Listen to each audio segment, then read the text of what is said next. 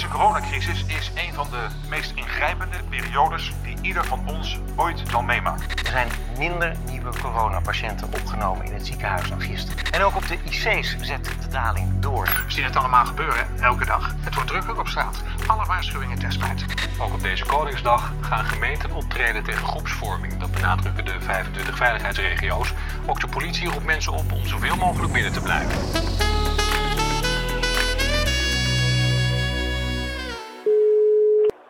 De voicemail van Yves Geiraat. Ik ben momenteel niet bereikbaar. Spreek uw bericht in na de piep en dan bel ik u zo spoedig mogelijk terug. Dank u wel. Een 1-2'tje met Yves, ondernemen in tijden van corona. De 25e editie. Het is vandaag Koningsdag. De dag dat we eigenlijk allemaal buiten hadden moeten zijn met elkaar. Zingen, feesten, knuffelen, over de grachten varen, spulletjes met elkaar eh, kopen en verkopen, handelen en zaken doen. Alleen, het is een andere dag. En eh, voor mij begon deze dag eh, op 25 maart. Dat was de dag dat ik dacht van... Ik wil graag weten wat het zakelijke vaccin is in ondernemen in tijden van corona. We hadden ook onze deuren gesloten. Ook wij werden geraakt. En eh, ja, heel raar om, eh, om dan naar huis te gaan en ook eh, de mensen naar huis te sturen. En op toch op een bepaalde manier ja, dingetjes blijven doen. Maar ja, je bent gevangen. Dus ik had zo het idee van, ik ga gewoon kijken wat dat zakelijke vaccin is. Hoe, hoe, hoe kom je hier doorheen en wat gaat er allemaal op ons afkomen? En ja, dan ga je gewoon zitten, je bouwt je studiootje... Je gaat een, een, conceptje in elkaar flansen. En dat is ook leuk van ondernemen, gewoon beginnen. Want ik zeg altijd, als je wil beginnen, dan is er maar één antwoord, dat je gewoon moet gaan beginnen. Dus de eerste die ik ging bellen, dat was Benno Lezer. Ik ken hem al ja, ruim 20 jaar. fantastisch familiebedrijf uit Amsterdam. groot in, ja, in gasvrijheid, in de mooiste horloges, de mooiste juwelen. En iemand die heel veel crisissen mee heeft gemaakt, dat is Benno. Hij heeft de, juwelen, de juwelenroof gehad. Ze hebben natuurlijk de SARS gehad. Ze hebben ook uh, de moeilijke tijden gehad in 2008, 2009. Echt een, een man die, die weet hoe de wereld in elkaar zit. En ik vroeg hem, hoe gaat het met je Benno? En dit is wat hij zei. Hoe is het met mij? Het zijn gekke tijden. En het is volgens mij ook essentieel om de rust te bewaren. Maar dat is even de omstandigheden niet altijd makkelijk. En wat ik vooral leerde van, uh, van zijn woorden, uh, dat je de kalmte moet uh, bewaren. Bij hem is het glas altijd half vol. hij heeft altijd een positieve kijk op het leven. Hij denkt in kansen, hij denkt in oplossingen.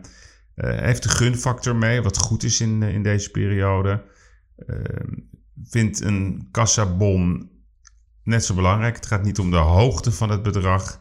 Het gaat ook bij hem vaak om de gezelligheid. Het, is echt een, een, een passieman. Uh, ja, die gaat voor het plezier en ook voor de erkenning. En uh, ja, echt iemand uh, waar ik denk dat je heel veel van kan leren. Door ook die hele podcast van hem nog eens rustig terug te luisteren. Maar het belangrijkste wat hij zei, bewaar de kalmte, blijf positief. Want ook straks na de crisis zijn er ontzettend veel kansen. Wanneer die ook mag eindigen. Ja, en toen ging natuurlijk het eerste belletje wat ik moest plegen. Dat was met de directeur van de RAI. Wij zijn al uh, eh, 17 jaar klant bij hun. We zijn hun gast. Uh, ik heb uh, daar ooit ben ik daar begonnen met de Millionaire Fair. Elk jaar doe ik de, tegenwoordig Masters of Luxury. Vorig jaar uitgeroepen tot het grootste luxury event in de wereld. Wij zijn gewoon maar een onderdeel van de radar. En ik was vooral benieuwd wat is er aan de hand in de rij? Dus ik belde Maurits en dit is wat hij zei.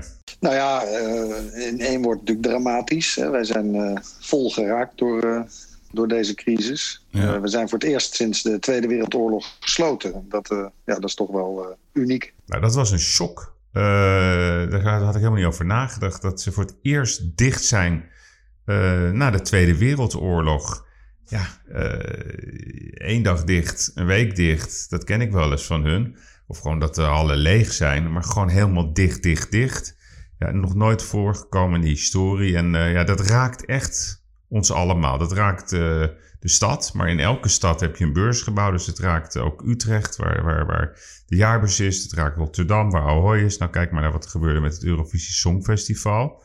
Ja, en het raakt ook de gemeente. Dus uh, je zag ook wat later ook de cijfertjes komen van, van de begroting in Amsterdam. Een enorme terugval in toeristenbelasting, in parkeerbelasting.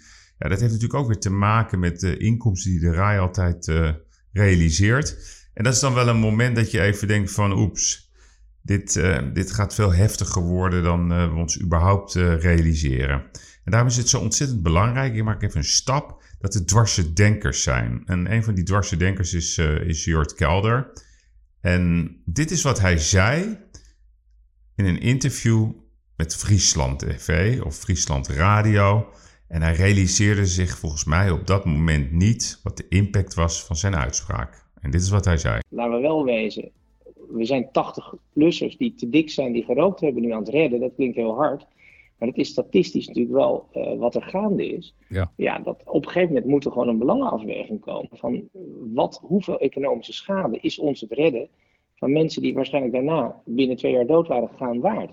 En toen belde ik hem daarop. Ik ken Jort Kelder als een, een hele integere, slimme, charmante man. Die uh, ja, erudiet is, uh, niet verlegen om een mening. Uh, ja, je hebt er überhaupt altijd een mening over, over deze man. Het verschil is, Yves, als een professor het zegt ja. Nemen mensen daar respect voor en durven de hoogleraar niet aan te vallen? Als een BN'er het zegt, ben je vogelvrij. Ja, en dan nee, mag je het niet zeggen. En heeft men ook geen enkele. Nee, maar joh, jij weet maar precies hoe dat enkele, werkt. Nee, maar ik heb. Ja, maar pakken altijd die zin.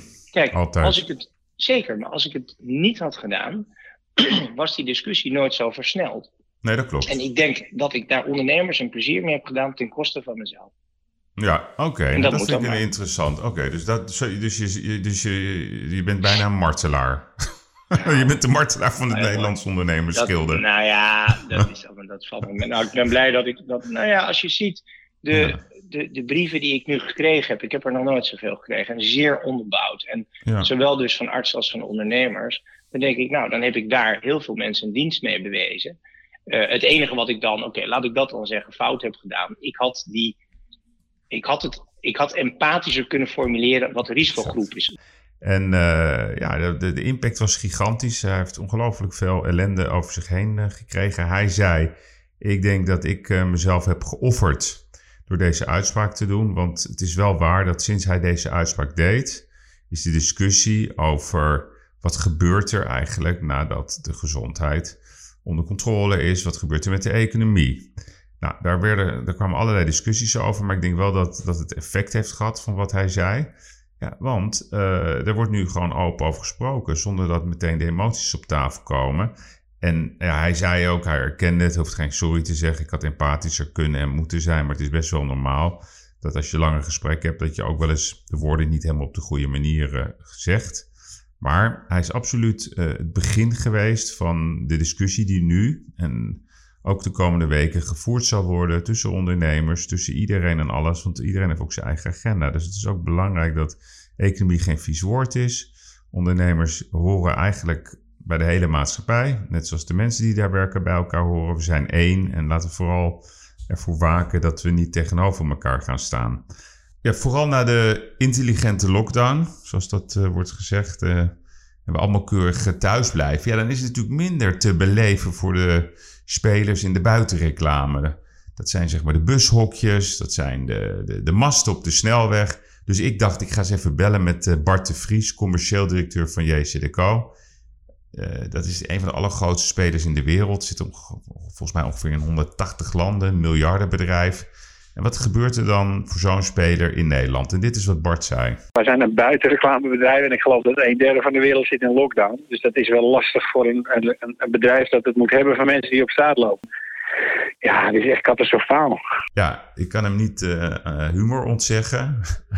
Hij brengt in ieder geval heel uh, kruifiaans. Ja, er zijn minder mensen op straat. Dus dat is een beetje lastig voor ons. Maar ja, wat natuurlijk opvalt is dat juist in deze periode, dat als die lockdown ja, toch heel langzaam eraf gaat, er steeds meer mensen wel op straat komen, dan heb je als merk, als bedrijf enorme kansen. Juist waar nu iedereen wegduikt, kan je juist hele mooie deals maken met dit soort uh, bedrijven. En ik vond het ook wel opmerkelijk wat hij zei, dat hij, ja, bijna, hij zegt, ik word bijna gezien als een soort drugsdealer. Het is niet gepast om nu mijn boodschap te uiten. En dan denk je, hoezo niet? Uh, gezonde voeding. Er zijn ook winnaars, er zijn ook industrieën die het hartstikke goed doet. En ja, ik kan Bart humor en zakelijk talent niet ontzeggen. Dus ik vond dat hij dat op een, op een hele sympathieke manier verwoordde. Toen ging ik bellen met Meindert, Meindert van der Heuvel. Ook actief in, in die wereld van reclame. Grote speler op het gebied van masten. Ocean Outdoor. Stak zijn nek uit met allerlei steun voor, voor, voor branches. om hun een duwtje in de rug te geven. Maar Meindert is ook een, een, een man die heel lang samen heeft gewerkt met private equity partijen. En kent als geen ander de wereld van banken. En dit is wat hij daarover zei. Een week geleden stond FD, uh, Rabo en ABN AMRO... die zeggen, weet je, dit is, dit is voor ons de kans... Ja. om onze reputatie nu once en for all te zuiveren. Ja. en te zeggen, weet je, wij hebben ooit de crisis veroorzaakt... nou, nou gaan we hem helpen oplossen. Ja. Um, als ze dat zouden doen, dat zou te gek zijn. Ja. Uh, maar... En ze kunnen helpen, Natuurlijk, natuurlijk. Maar het zit niet in, de, in het DNA van die banken die zijn extreem risicoavers. Dus wat zij zeggen, we willen best meer geld uitlenen.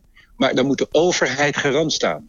Ja, maar ja, dat is, dat is dus het kat-en-muisspel. Ja, dat... ja, ja, dan denk ik, hé, maar als wij tegen elkaar zeggen... Ja. Uh, ik ga ondernemen en ik, ga, uh, ik wil alles met je doen... maar alleen als de overheid garant staat, zeggen... ja, weet je, dat, is een beetje gek natuurlijk. Dus wat Meindert zegt, is het zit niet in de DNA van, uh, van bankiers... om ja, om risicodenkend te denken. Dus die houden niet van risico's. Dat zit niet in de DNA. We hopen dat het in DNA zit. We hebben de vorige keer gezien dat de banken de problemen waren. Nu werden er door een aantal bankiers geroepen: we zijn het onderdeel van de oplossing. Dat zie ze niet meer op tv, want ze staan wederom onder grote druk. Helaas laten ze niet echt zien dat ze onderdeel zijn van de, van de oplossing.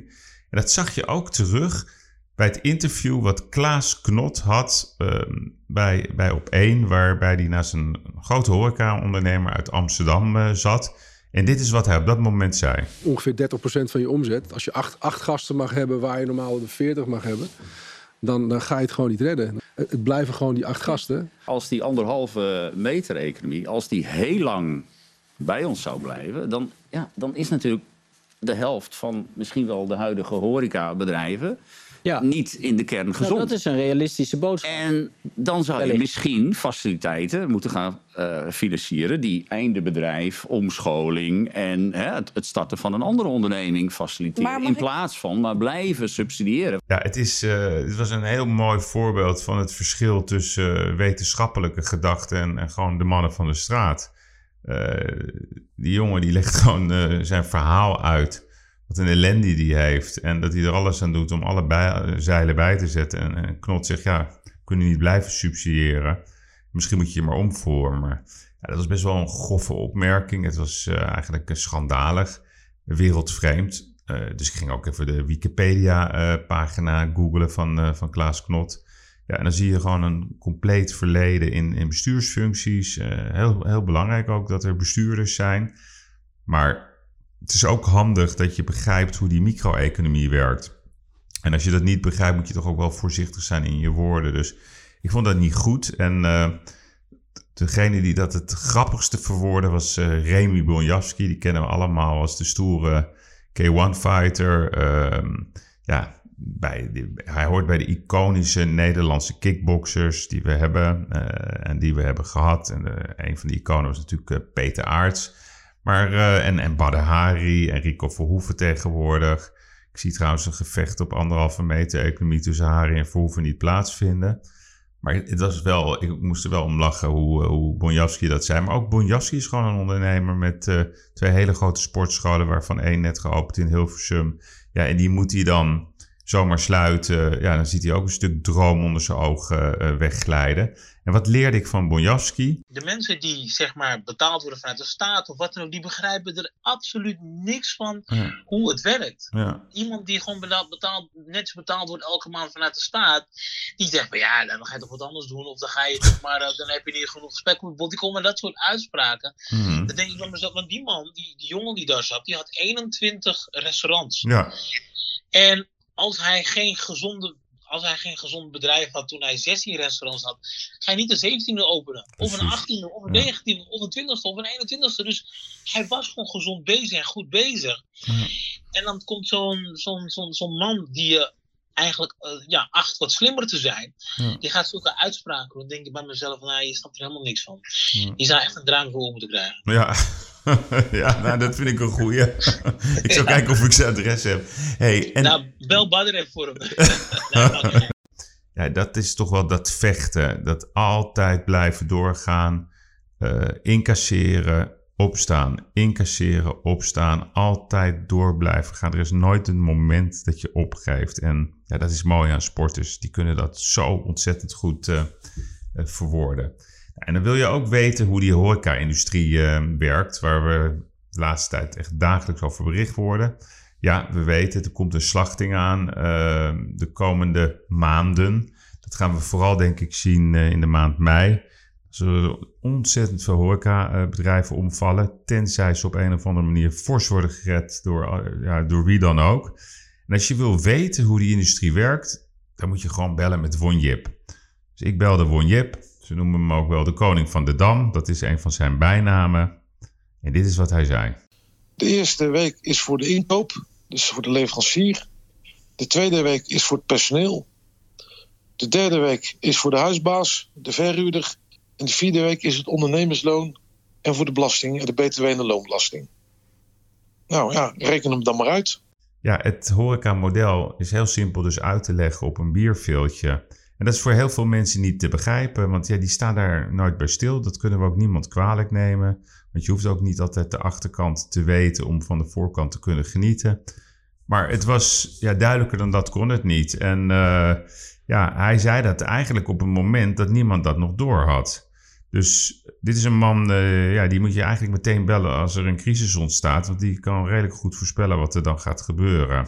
Dus als je het nou hebt over op zoek naar het zakelijk vaccin dan denk ik dat het goed is dat je in alle takken van sport ja, gewoon mensen hebt zitten die je meteen kan bellen. Dat noemen we dan Outbreak Management Team in de wereld van gezondheid. Maar je moet ook een Outbreak Management Team hebben op het gebied van ondernemerschap. Want die weten bijna feilloos wat er gaat gebeuren als de situatie ontstaat zoals die eigenlijk in ons land begon medio maart. Ja, en in tijden van, van, van crisis zie je altijd wel een dalende tendens bij goede doelen. Uh, dat hangt toch om de een of andere manier samen met elkaar. Hetgeen een gevaar is, denk ik. Ook omdat juist die goede doelen ontzettend belangrijk zijn om onzichtbare problemen te steunen. En ik was vooral heel benieuwd hoe gaat het met het Rode Kruis. Nou, dus ik denk, nou, dan ga ik met Marieke van Schaik eh, bellen. Zij is de directeur van het Rode Kruis. Ze heeft ook een, een hele langdurige ervaring bij de Goede Doelen Loterij. Dus zij kent heel goed die combinatie van bedrijven die, die, die charity steunen, hoe je daarmee moet omgaan. En ik was vooral benieuwd naar haar mening, ook naar hoe de regering en hoe allerlei instanties omgaan met de problemen die we op dit moment op ons af zien komen. En Marieke had daar een hele heldere mening over. Ik denk dat de, de fixatie op IC is, is misschien ook wel een. een uh, het, het, is natuurlijk heel belangrijk, maar het is ook wel makkelijk, een makkelijk verhaal. In de zin, je kunt het heel uitdrukken in een aantal bedden. Mensen begrijpen waar het over gaat het verhaal wat daaronder ligt is vaak wat ongrijpbaarder, wat minder concreet. Uh, ja, en, en, en waar je concreet het liefst over praat, is over medicijnen, vaccins en IC-capaciteit. Ja, ik vond het moedig wat ze zei, uh, dat we niet alleen maar ons moeten fixeren op IC-bedden. Dat vond ze, zij zei letterlijk, ja, dat is te makkelijk. Maar dat bedoelde ze eigenlijk, het draait om de hele keten. Er zijn natuurlijk veel meer gezondheidsproblemen. En als we een fixatie hebben puur en alleen op wat er nu is, dan zou het wel zo kunnen zijn dat er veel grotere problemen op ons afkomen. In binnen- en in buitenland. Ja, en hulde voor, uh, voor het Rode Kruis, uh, wat, uh, wat al die onzichtbare mensen doen. En dat kan niet genoeg benadrukt worden. Dus de pluim van de week is absoluut voor Marike. Ja, en dan ben je bang als je de hele dag maar wordt geconfronteerd met hoeveel bedden op IC er zijn. What's next? Ja, en meestal dan uh, what's next is dat na solidariteit komt er altijd strijd. En uh, waarom is dat? Omdat in het begin van een crisis mensen altijd heel erg met elkaar zijn, totdat het jezelf gaat raken. En dan zie je de solidariteit afnemen. Dat is goed voor de advocaatkantoren. Maar ik denk niet dat dat goed is persoonlijk. Maar Arjan Paardenkoper, Blenheim Advocaten, die hebben het drukker dan ook. En dit is wat hij zei over de situatie binnen de advocatuur, dus ook in de wereld van de ondernemers. Dat en nu, wordt het knokken. Ja, het hè? zijn gewoon ratten die in de val zitten en aan het vechten zijn. Ja. Er wordt geen overeenkomst meer aan. Iedereen wanpresteert gewoon mensen, of massaal wordt er gewanpresteerd. We betalen gewoon niet meer, we schuiven op. Luxejachten worden niet meer afgenomen met, met een, een, een, een beroep op corona. Deals gaan niet door. Ik, er, er- is een bedrijf in, in, eh, in de regio waar we zitten hier. Groot bedrijf was verkocht. Ze zouden 1 april bij de notaris zitten. De, koper komt niet eens opdagen. Ja, en dat is dus eigenlijk ja, eh, één groot gevecht. Het wordt eh, allemaal knokken, knokken, knokken, waarbij een beroep wordt gedaan op corona. Ja, contacten worden niet meer gerespecteerd. Het wordt ook gebruikt eh, als excuus. Je ziet het in de voetballerij. eh, de messen worden geslepen. Ja, en als daar niet heel snel ook eh, vanuit branches, ook en vanuit overheden standpunten worden ingenomen, ja, dan, dan is het getal van 150.000 bedrijven die failliet gaan, dat is nog een dun getal. Dus het is ook belangrijk om heel erg goed te kijken naar al die verschillende wetten die we in ons land hebben. Vooral de faillissementswet. In Amerika heb je Chapter 11. Nou, dus niet dat als een bedrijf surseance komt, dat meteen de stekker eruit gaat. Stop ook de, de sterfhuisconstructies en de doorschrijfconstructies. Je moet hier echt heel scherp eh, op kijken. En dan kan er veel minder bloed. En dan hoop ik echt dat er veel minder bloed door de straten zal waaien. Nou, toen dacht ik van ja, het wordt nu een beetje spannend allemaal. Eh, je ziet eh, toch wel een aantal gezichten op tv verschijnen. Hans de Boer van de werkgeversorganisatie. Eh, Hans Biesheuvel, die laat zich heel duidelijk gelden van, eh, van Ondernemend Nederland. Nou, ik noemde net eh, Kelder al. Ehm, ik zag ook een 1-2'tje tussen Klaas Hummel en Sander Schimmelpenning. Dat was dan een 1-2'tje tussen de quote en, en, en de vastgoedman. Die ook zijn zorgen uitsprak over ondernemend Nederland. Maar Biesheuvel die zei iets interessants over het gedrag van met name de grote ondernemingen, de multinationals. En dit is wat hij zei. Nou, kijk, waar ik een hekel aan heb, zijn zeg maar partijen die zeg maar eenzijdige maatregelen nemen. Hè? Dus die zeggen eenzijdig, we betalen van morgen de huur niet meer. Of eh, zoals Hunkemuller. Hmm. Of eh, inderdaad, zoals bedrijven als de Bijenkorf, die zeggen eenzijdig, nou vanaf morgen is de betalingstermijn 150 dagen. Ja. Of zoals Action, die zeggen nou, het is, eh, ja, en, en die cancelen ook nog eens een keer zonder opgave van reden alle orders, zeg maar. die al, waar, waar ze al, zeg maar, ja op hebben gezegd in het verleden. Ja. En waar ik een hekel aan heb, is dat die bedrijven niet het overleg zoeken, niet de samenwerking zoeken met de keten. eh, maar gewoon eigenlijk die hele keten in één klap in problemen brengen. En ook helemaal niet openstaan überhaupt voor een dialoog. En dat is, eh, ja, daar krijg je geen warme gevoelens bij. Alleen het is voor mij geen verrassing. Grote, grote bedrijven, grote concerns, multinationals, die hebben protocollen in tijden van de ellende. Die, eh, ja, die zeggen gewoon eenzijdig op. Ja, en het allerbelangrijkste, ik heb er ook voor gepleit, ik heb er ook een column over geschreven in, in het Parool. Je, je moet aan triage gaan doen bij de regelingen vanuit de overheid. En wat bedoel ik met triage? Dat is een nieuw woord, dat kenden we niet. We zien dat nu, dat hebben we geleerd van de gezondheidszorg. Er is gewoon een verschil tussen multinationals. Er is een verschil tussen de grotere MKB-bedrijven en alles wat daaronder zit. En dat is de triage die ik bedoel.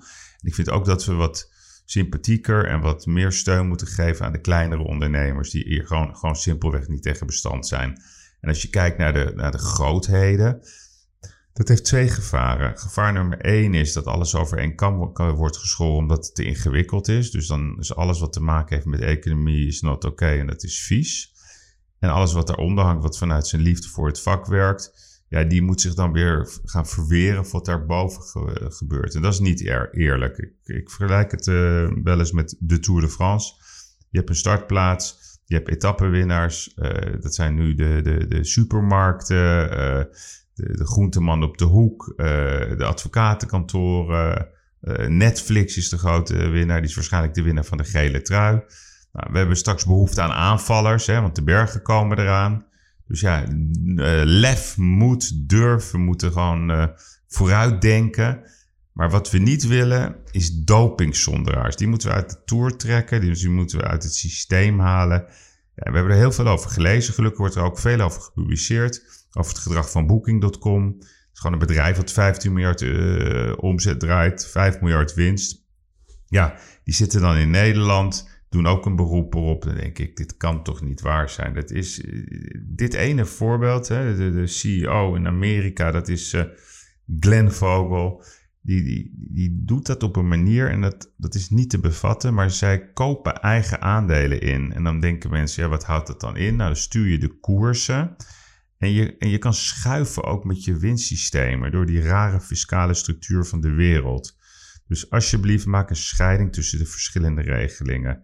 Ik vind het anders als de KLM. Dat is zo infrastructuur belangrijk. En ja, ze zullen zich ook verduurzamen. Ja, dat vindt ook iedereen belangrijk. Maar dat is een, zo'n een powerhouse op het gebied van banen.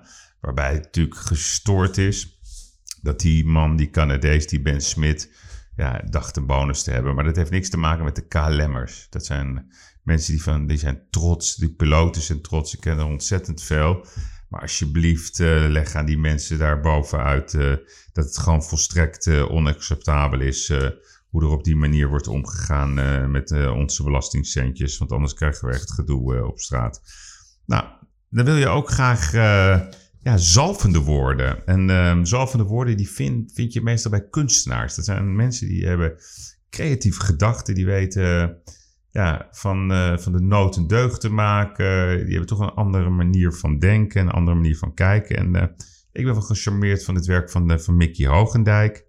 En ehm, ik, ik, had een heel mooi gesprek met haar. Ik was ook op, op zoek naar het zakelijk vaccin wat zij mij kon geven. En dit is wat zij zei over een crisis. In nood, wat mij altijd, wat mij persoonlijk altijd is gebeurd, is dat in de meest heftige situatie kwam, kwam altijd mijn sterkste mijn, mijn kracht boven en uh, mijn creativiteit. En ik heb echt de gekste, gekste dingen meegemaakt. In een raarste situatie gezeten. En op een of andere manier word je heel erg inventief. En het moment dat je denkt dat je alles verliest, is eigenlijk het grootste moment van vrijheid. Ik vind het een mooie zin. Het moment dat je denkt dat je alles verliest, is eigenlijk het grootste moment van vrijheid. En dat is ook zo, want uh, weg is weg. Uh, terugkijken heeft geen zin. Leer van, uh, van wat er was. Uh, we moeten er niet makkelijk over doen, want je kan niet zomaar tegen iemand zeggen: ja, uh, ga, ga je ombouwen. Maar het is wel goed om soms even verlies te nemen, om jezelf te vernieuwen. En blijf vooral niet hangen in dat negatieve en in dat uh, wanhopige. En dat is niet bedoeld als makkelijk praten, maar ook op het moment dat, dat je alles uit je handen ziet glippen, er zijn altijd kansen. Dus ja, Mickey die denkt zo. Ik vind dat echt een must, must, must know voor, voor, voor het zakelijk vaccin. Om zo te denken. En ik werd getipt door een van de podcastgasten over een best wel ludiek moment van een ondernemer, die, uh, directeur van een heel groot bedrijf. En dat was in dit geval Michael Pauw, directeur van Nice to Meet. Hele grote speler op het gebied van, uh, van vlees uh, snijden belevert alle toprestaurants, hotels, noem het allemaal maar op. Ja, heerlijk. Of je nou van vlees houdt of niet, maar het is echt super lekker vlees. En hij was aan het flyeren in allerlei woonwijken om zijn online shop ehm, ja, een beetje onder de aandacht te brengen. Ik vond dat mooi. Ik vind het goed als je gewoon je nergens te groot voor voelt. En, en dit is wat hij zelf daarover zei. Je, je moet je schamen als je daar verkeerd ja, over nadenkt. Je moet de tering naar de nering zetten. Ja. Uh, wij met de hele familie zijn uh, aan de gang. En we komen oorspronkelijk uit Gooi vandaan. Dus weet je, we hebben dat als eerste gebied genomen. En, en natuurlijk zijn we online heel actief. Hè, want ik begrijp best wel dat je daar veel meer mensen mee kan bereiken in één keer dan, dan, dan met, een foldertje. Maar toch, weet je, krijg je enorm veel bestellingen eruit. En hebben we gewoon lijsten gemaakt. En mijn broer en zijn gezin die doet laren. Vandaag gaan we naar de vesting. Wij spreken, ja. niet wij spreken, dat, dat doen we daadwerkelijk. Ja. En, eh, maar ook onze medewerkers. Ja, de tering naar de nering zetten. En, en zo is het zo. Zo is het ook gewoon. Je moet als ondernemer, wat er ook gebeurt, nooit blijven hangen in het verleden. Gewoon lekker naar voren kijken en blijven geloven in kansen. Ja, en op dat moment dan vind ik het ook leuk om iemand te bellen uit uh, een van mijn... Uh, liefhebberijen. En dat is, uh, dat is golf. Uh, ja, natuurlijk bellen met Joost Luiten. Die heb ik ook eerder gehad in de podcast. Uh, ja, ik wil ook zo spelen zoals hij dat kan. Trouwens even, ja, ik moet er toch aandacht voor vragen hoor. Ik heb heel veel luisteraars hebben het gevraagd. Kun je die golfbaan alsjeblieft open? Het is geen elite sport. Het is gewoon een volkssport. Het is een sport die gewoon perfect gespeeld kan worden met de anderhalve meter economie.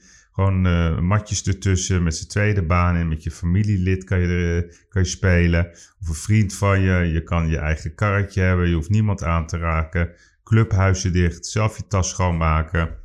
En het is gezond, het is in de buitenlucht, we moeten fit blijven, we moeten niet ziek worden. Dus uh, ja, de overheid, alsjeblieft, gooi die golfbanen over. Dat we gewoon lekker ook uh, kunnen wandelen, want daar krijgen we frisse geesten van. Nou, toen dacht ik, KLM Open, hoe zit dat nou? Ik ken iemand die daar altijd heel erg bij betrokken is. Dus ik ging even bellen met René Boender. En dit is wat hij zei in het algemeen. het is watertrappelen op volle zee met de kust op twee maanden zwemmen. Mooi hè? Het is watertrappen op volle zee met de kust op twee maanden zwemmen. Nou, ik zou zeggen, denk daar eens even goed over na. Dat zijn uh, echte brain candies. Hij is de man van de brain candies. Maar wat hij ook zei, en dat vond ik wel, uh, ja, wel interessant. Hij zei ook iets over het KLM Open. Dit is wat hij erover zei. Denk Dus je dat het eigenlijk- ook consequenties gaat hebben voor de KLM Open? Want jij bent daar goed geïnformeerd bij die mensen. Heel, heel eerlijk. Ja? natuurlijk krijgt dat consequenties voor de KLM Open. Want één, als de Tour eruit ligt, kunnen, komen er ook geen eh, spelers meer. En de Amerikaanse spelers, die durven sowieso al niet eh, te reizen op dit moment. En met de reisverboden die we nu door de hele wereld hebben, ja, eh, denk ik gewoon dat het op slot gaat. Dus jij denkt gewoon dat de KLM Open dit jaar niet doorgaat? Want dat is pas in september, hè? Volgens mij 18 Ja, september. ze- ik geloof 15, 16, 17 Ja, september. Nee, nou ja, ik, ik, ik, ik heb geen glazen bol en ik kan niet, Nee. eh, eh, niet verder kijken dan eh, wat onze minister-president, die het overigens heel erg goed doet eh, als crisismanager op dit moment. Ik kan ook niet verder kijken. Maar als jij eh, en de sponsorgelden niet krijgt en er zijn geen spelers, heb je ook geen toernooi. Ja, dus ook de vrees dat ook dat niet doorgaat. Hè? Je hebt toch een toernooi waar we, trots op zijn. Eh, ik vind het zelf altijd ontzettend leuk om daar om naartoe te gaan. Maar ook, wat je ook straks kijkt, is een discussie van ja, kan dat allemaal wel? Hè? Dus dat de KLM zich daaraan verbindt, terwijl de, de maatschappij wordt gered. Dus ja, ook dat zullen we waarschijnlijk gaan missen. Ik hoop het trouwens niet. Maar ja, hoe moeten de spelers uit het buitenland hier naartoe komen? Dus ja, die annuleringsmaatschappij in de wereld van sport, eh, ja, die doet ons allemaal heel veel pijn. Dus ja, dan wil je toch ook even korte woorden horen. Dat werden lange woorden van eh ja, Mr. Makelaar Rob Jansen. En dit is wat hij zei over wat er allemaal op zijn vakgebied gebeurt. Maar je, het is moeilijk te verkopen dadelijk Ja. in Engeland. Dat ze een speler voor 80 miljoen gaan kopen, terwijl de hele stad heeft geen eten. Nee, het Hoe kan je dat nou ethisch ja, het is, ja. Dat kan toch niet? Nee, het kan echt niet. Weet je, het is Yves, het interesseert me helemaal niks. Heel ik goed. zeg wat ik vind. En daar hou ik van, hè. Ik zeg wat ik vind. Klaar uit. En hij was heel uitgesproken. Eh, ik denk dat we lekker moeten luisteren naar de voetbalprogramma's. Die hebben er het meeste verstand van. En de verschillende columnisten in de verschillende kranten. Nou, je kan alles zeggen wat je vindt eh, en wil vinden van eh Valentijn Driessen. Maar rechten voor je raap ga je denk ik niet vinden. En eh, ja, spannende tijden voor, eh, voor iedereen eh, die, die voetballiefhebber is. En Formule 1 liefhebber en, en golfliefhebber. Maar er hoort ook een beetje bij het, eh, bij het zakelijke vaccin. Ik word altijd heel blij van, van middenstanders die hun bedrijf met hart en ziel hebben opgebouwd. Die gaan voor de passie. Een van die passievolle ondernemers is Rick Moorman. Hij heeft House of Man op het Gelderlandplein. En ik zocht hem op om te vragen hoe het met hem ging. En dit is wat hij zei. komt er van de week bij mij iemand binnenlopen. Die zegt, ik wil een paar pakken hebben. Hij zei, ja, ik draag helemaal geen pakken, maar ik vind dat jij een beetje steun moet hebben. En ik heb je dan maar geld uit te geven bij. Mooi. Ja, maar ik zeg maar, wil je een pak? Nee, ik draag geen pak, maar dan heb ik hier gewoon een pak als het een keer nodig is. Wat ik eh, echt mooi vond, eh, het ging over gunnen. En gunnen is iets waar we het niet over, vaak over hebben. Waarom gun je iemand een deal? Waarom koop je bij iemand een auto?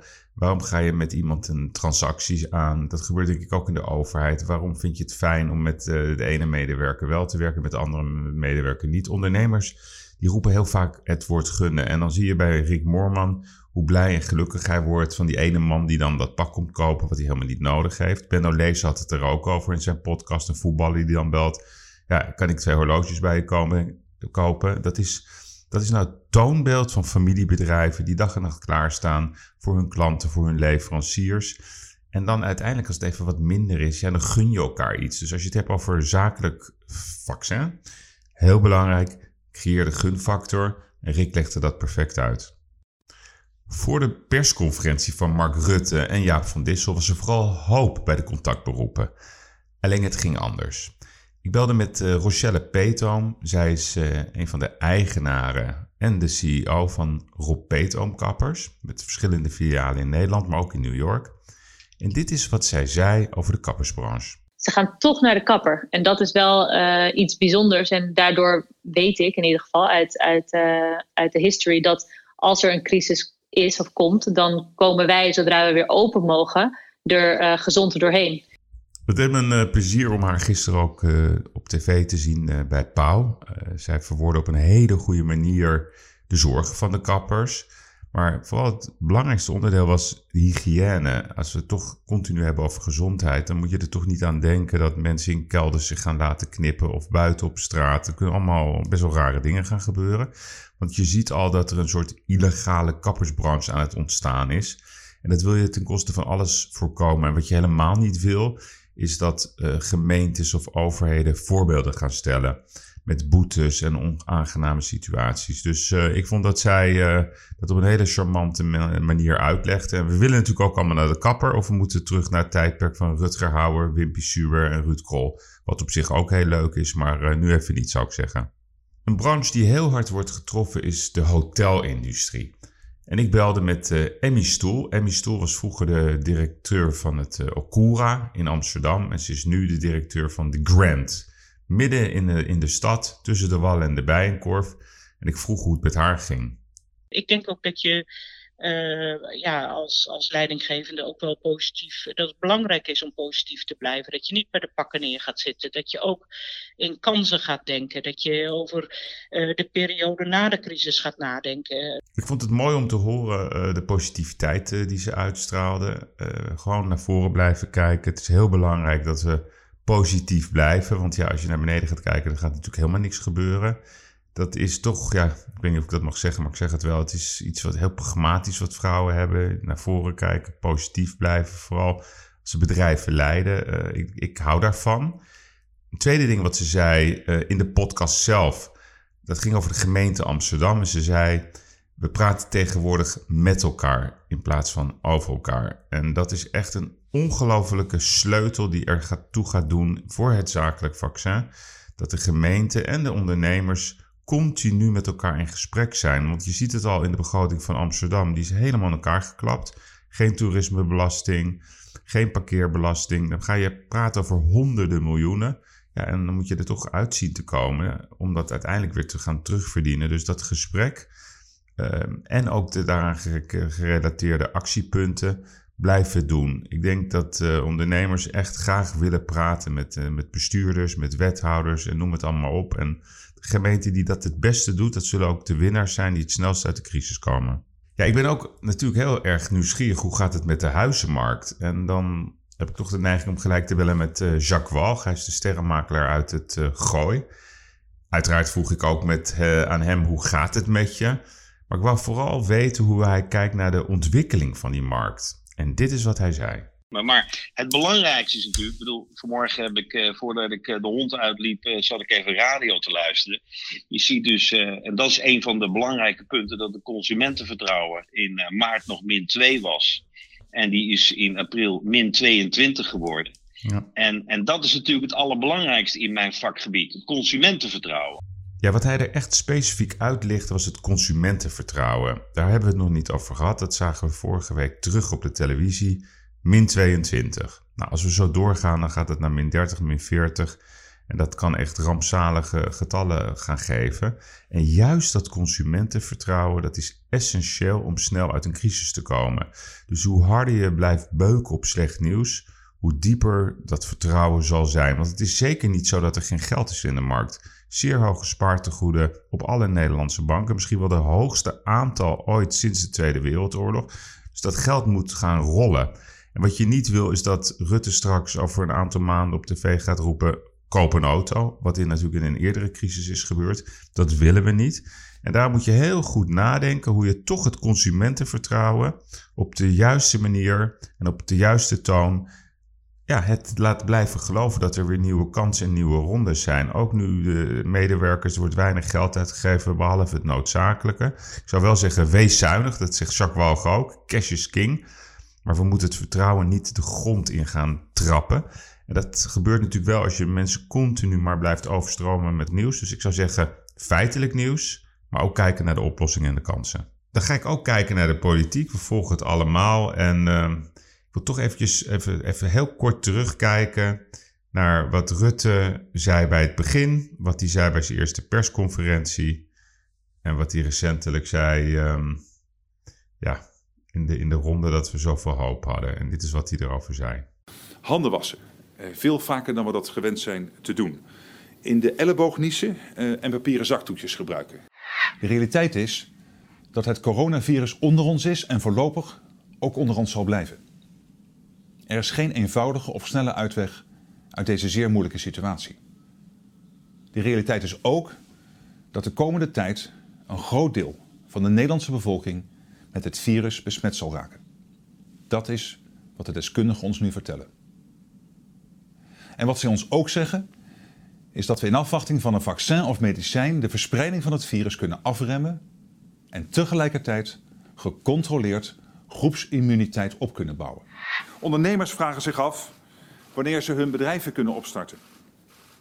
En hoezeer ik ook begrijp dat het ongeduld als het ware insluipt, we weten dat een snelle versoepeling er zou kunnen leiden dat het virus meteen weer de kans krijgt om te gaan pieken.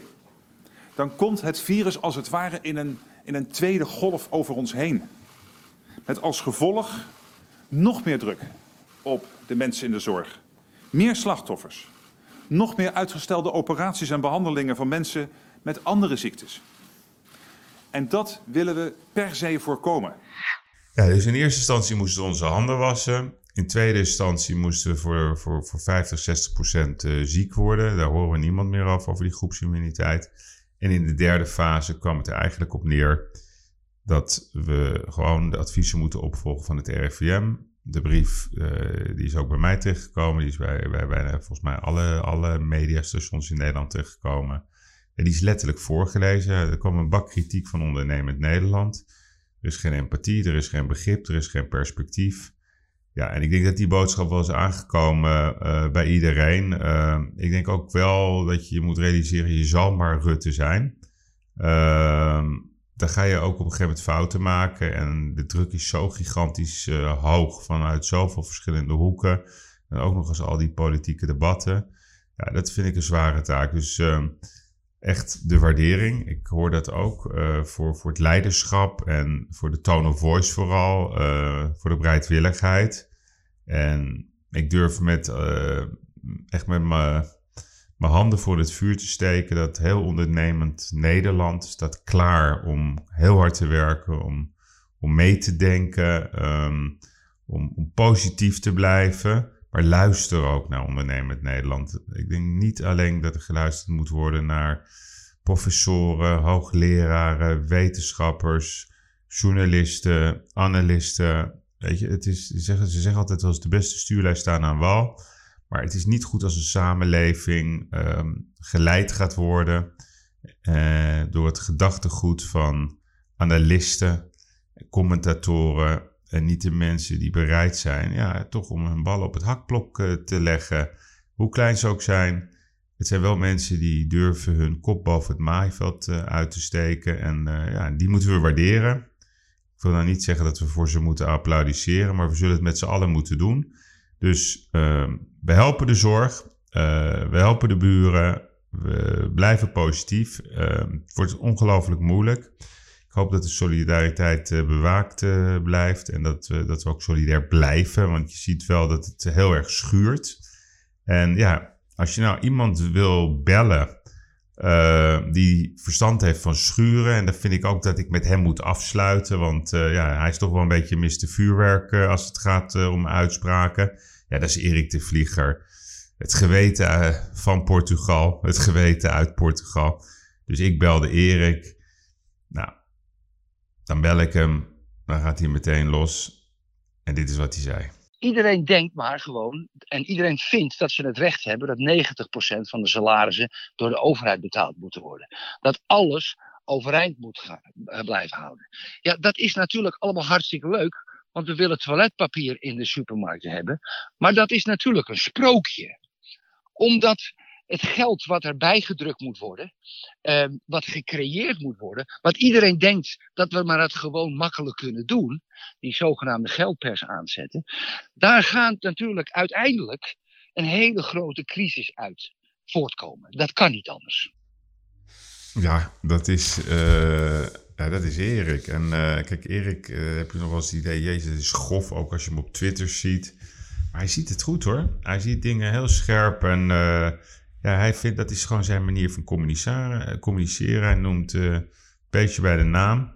En ehm, ja, duidelijker dan dat kan je, kan, kan je niet zijn. En hij heeft vaker uh, crisissen meegemaakt. Hij is zelf ook vaak uh, hoofd geweest van een, van een crisis.